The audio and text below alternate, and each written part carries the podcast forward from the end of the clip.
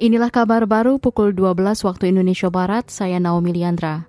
Calon anggota Komnas HAM Abdul Haris Semendawai berjanji akan menuntaskan kasus-kasus HAM dengan pendekatan non-yudisial maupun alternatif lain. Hal itu dipaparkan Abdul Haris dalam uji kelayakan dan kepatutan calon anggota Komnas HAM periode 2022-2027 di Komisi Hukum DPR hari ini.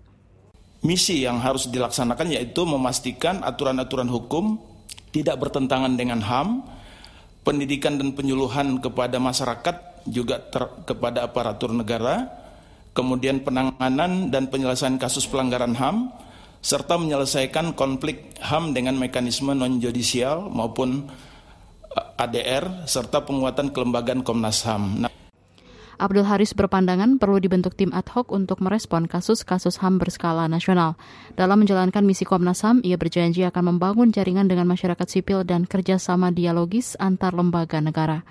Saudara Abdul Haris Semendawai merupakan satu dari 14 calon anggota Komnas HAM. Ia adalah advokat dan juga dosen serta pernah menjabat Ketua Lembaga Perlindungan Saksi dan Korban LPSK. Beralih ke Sulawesi Tengah, Kepolisian Sulawesi Tengah berhasil mengidentifikasi jenazah seorang terduga teroris yang tewas tertembak di Kabupaten Poso. Kapolda Sulawesi Tengah Rudi Sufaryadi menyebut terduga teroris itu adalah Afkar alias Pak Guru. Kepastian didapatkan dari hasil otopsi tim Inafis Polda Sulawesi Tengah pada Jumat pagi. Orang rilis di sana, saya hanya memastikan di sini bahwa itu askar sudah pasti. Ya, jadi DPO yang kita cari sudah pasti itu askar luka tembak di luka tembak saya jelaskan nanti semuanya di. Oh, ada lokasi Pak, ada penemuan senjata atau apa dari Semua enggak.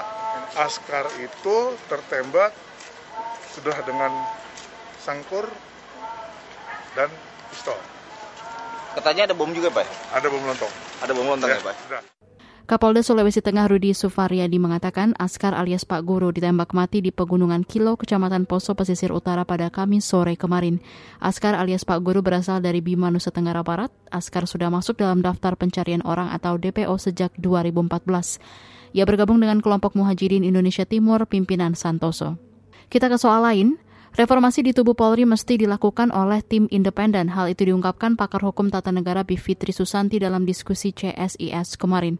Ia beralasan reformasi Polri bertujuan untuk membongkar relasi kuasa di internal yang hingga kini masih ada. Titik nol itu kan bisa dilakukan dalam arti melakukan reformasi yang reformasi itu harus oleh tim yang independen, yang lepas dari kepolisian itu sendiri, lepas juga dari orang-orang yang dekat sekali dengan kepolisian, yang banyak berkutat di situ harusnya masyarakat sipil. Karena tujuannya adalah membongkar relasi kuasa yang nyaman sekali. Tidak hanya bagi polisi, saya nggak mau hanya bilang polisi yang salah, polisi yang salah. Enggak, aktor politik juga. Ya, itu yang harus dibongkar.